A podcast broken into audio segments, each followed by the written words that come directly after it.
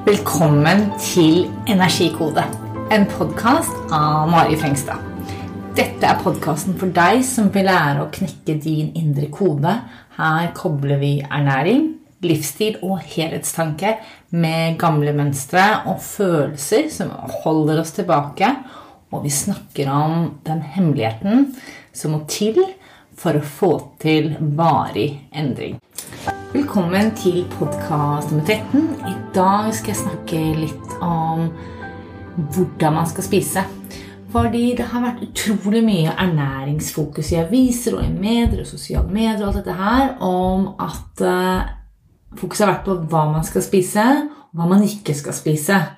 Og så har det ikke vært så veldig mye fokus på hvordan man spiser. Og dette temaet her er spesielt viktig for deg hvis du er en av de typene da, som ofte er litt fysen på ting. Du craver noe søtt eller noe salt selv om du egentlig har spist. F.eks. kom hjem fra middag, føler at du spiser en god middag, og så har du lyst på noe. Du klarer ikke helt finne den roen i deg sjøl før du spiser et eller annet. Og det samme kanskje liksom på ettermiddagen.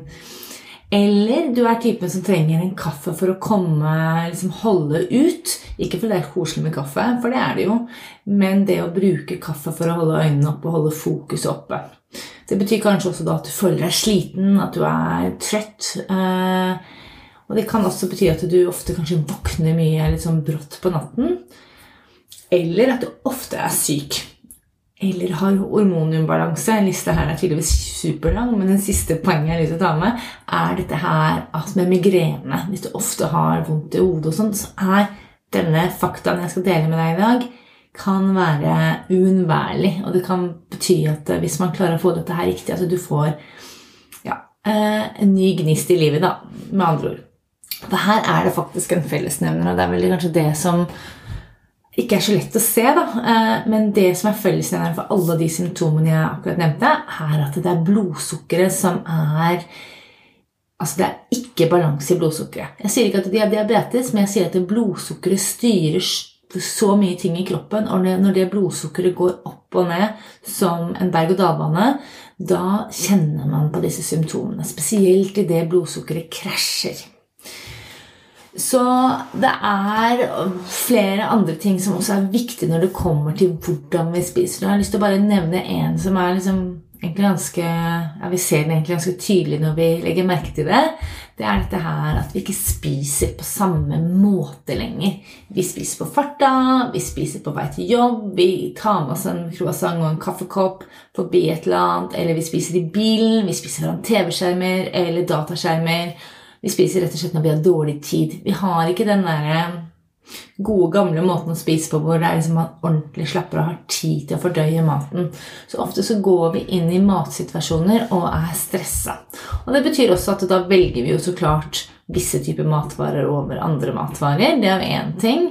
Men også det som skjer, er at når vi stresser, så øker blodsukkeret vårt.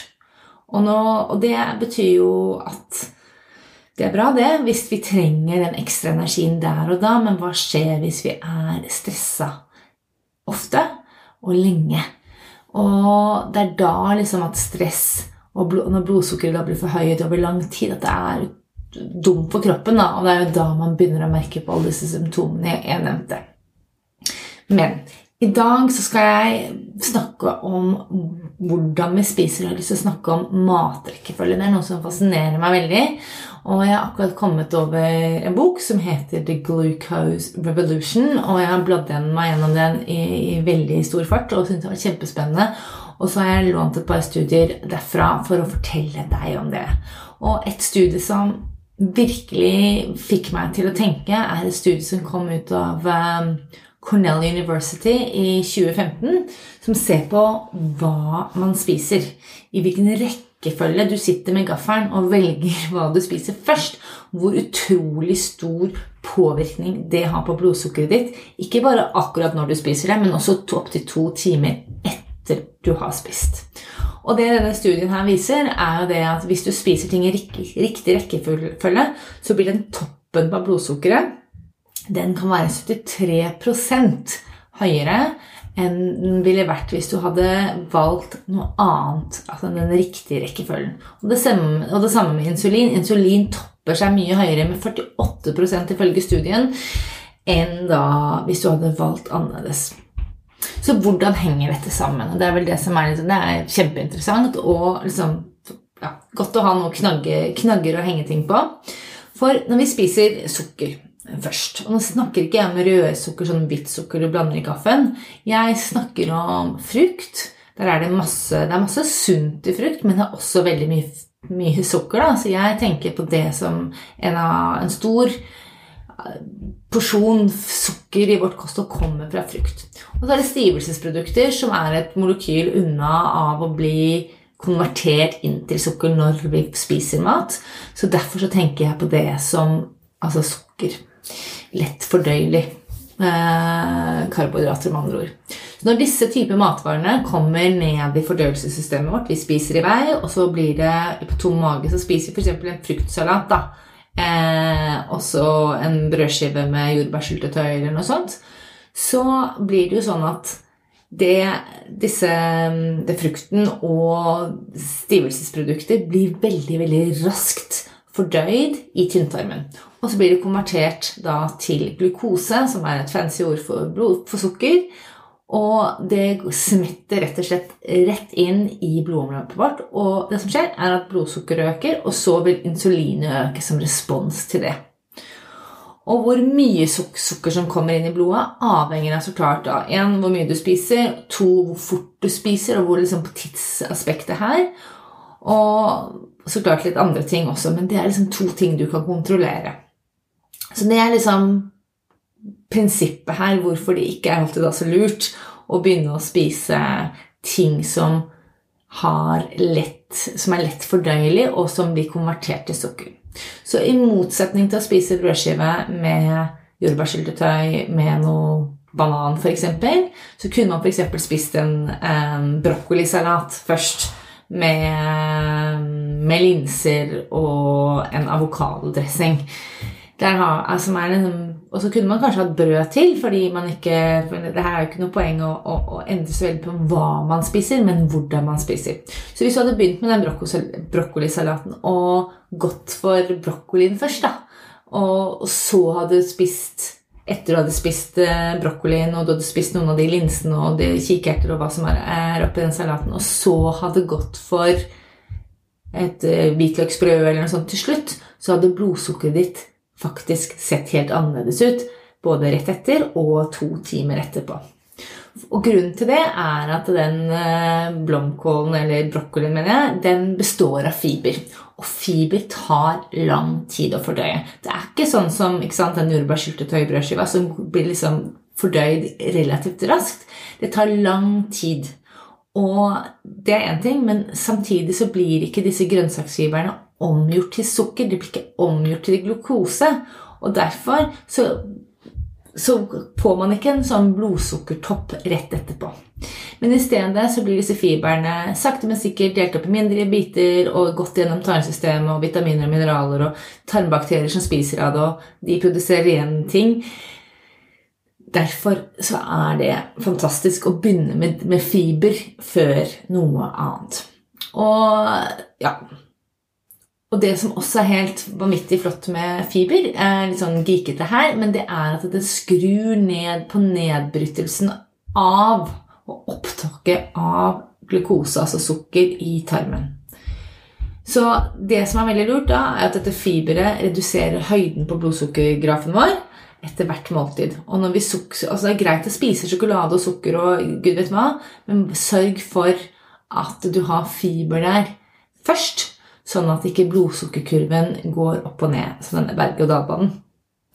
Så det er eh, superviktig.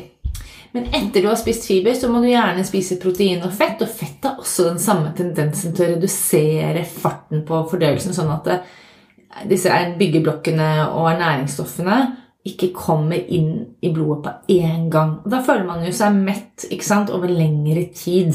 Og det er litt altså man ikke snakker hele tiden. Så den riktige rekkefølgen er én spis fiber, grønnsaker, helst grønne grønnsaker, eller du kan spise andre farger òg, men grønnsaker som typisk vokser over jorden. Og veldig mye Altså, ja. Eh, men ting med fiber i. Og så følge opp med proteiner og fett, og til slutt stivelsesprodukter og sukker. Og det som var litt spennende i denne studien, er jo det at eh, forfatterne faktisk nevnte at de hadde sett at eh, rekkefølgen gir Hvis man spiser med gaffelen, da, velger riktig rekkefølge, gi like godt utslag når man har diabetes som medisinering. Så her er det ekstremt mye power, eh, og ganske gøy da, å forske litt selv. Så ikke nok med det, men når vi spiser i riktig rekkefølge, så reduserer vi også insulinproduksjonen vår, så at ikke den får sånne topper. Og det er ofte det med folk som har for høyt eller insulin, eller at man ikke er sensitiv nok til insulin, kanskje, så skjer det noe med forbrenninga vår.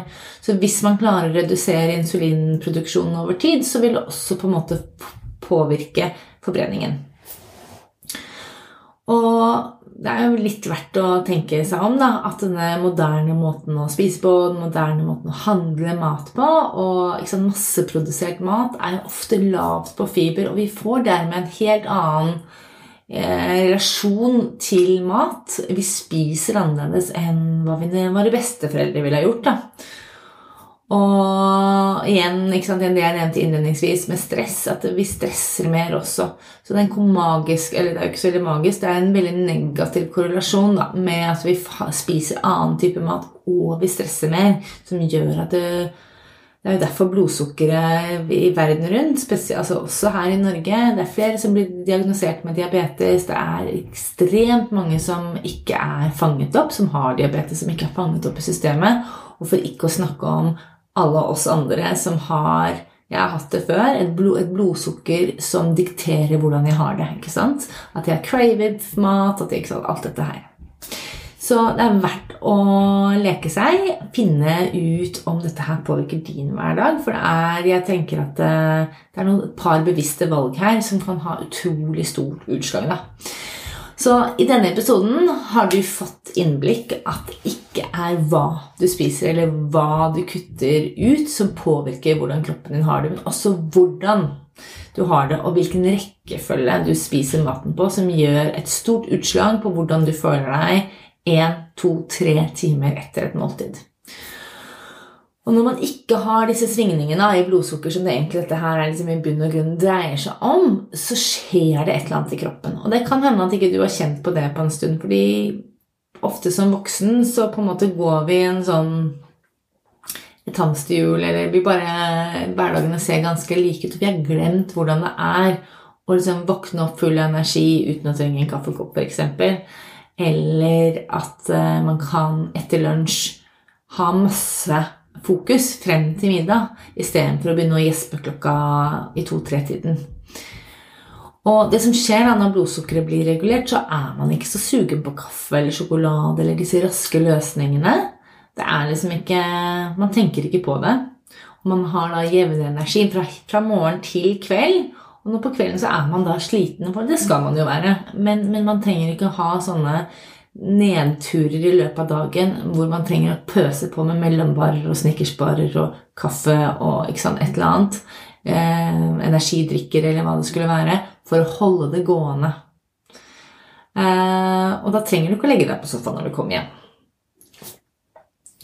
Fordi det som skjer, er nemlig det at når blodsukkeret blir veldig ujevnt, så påvirker, blir for høyt, da, så påvirker det mitokondriet i cellene våre. Det er på en måte batteri i cellene våre. Det er, bare, det er sånn kortslutning på et vis. Eh, så det er derfor det er så utrolig viktig å regulere det. I tillegg så nevnte jeg dette med søvn. Blodsukkeret vårt når det er i ubalanse, spesielt hvis du går på en sånn blodsukkerkrasj. da, på rett, Du spiser rett før du har lagt deg. Eh, og så går du på en sånn idé du sovner, så våkner man. Og da blir man utslitt på morgenen, så klart. Og en annen ting er immunsystemet vårt. Fordi blodsukkeret, når det er for høyt, så begynner immunsystemet vårt å fungere dårligere. Og derfor så blir man også mer utsatt sant, for forkjølelsesting og andre sånne typer sykdommer. Uh, og jeg vil også nevne dette her med migrene, fordi det har jeg jobbet en del med. Og jeg ser ofte at folk som har migrene, uh, har, rapporterer at de er veldig veldig sultne etter et migreneanfall. Så jeg har sett litt på forskningen rundt dette her, og det viser seg da at uh, mennesker som klarer å stabilisere blodsukkeret sitt gjennom liksom, en uke eller hva det skulle være, som klarer det, har, min, altså det har påvirkning på hyppigheten av migreneanfall. Så det kutter du ikke helt ut, men hyppigheten. Så det er så mye man kan kontrollere ved å kontrollere én ting, som er blodsukkeret. Så og her er det faktisk en magisk liten løsning, så prøv det ut. Og send meg gjerne en melding eller en DM på Instagram og få høre hvordan det har gått. Fordi jeg syns det er spennende å høre. Og ja, digger det. Så hvis du kjenner deg igjen i noe av dette her, så kan du ta gaffelen fatt. Du kan gjøre noe med det. Test det ut. Vær systematisk. Tenk på hvordan du føler deg etterpå. Kjenn på energien. Alt dette her jeg nevnte. Og er du klar for å ta det til neste steg, finne ut av mer hva kroppen din trenger, hvordan du kan gjøre det, så tilbyr jeg faktisk en gratis kartleggingssamtale som du kan booke på min hjemmeside, eller du kan sjekke notatet her i podkasten. Og da kan jeg hjelpe deg å bli supertydelig på hva du trenger å gjøre, og hva det innebærer for deg, og hvor mye arbeid og alt dette her, om du er klar til å hoppe i det uten at det sklir ut. Sjekk eh, det ut, og eh, med det ønsker jeg deg en kjempefin dag.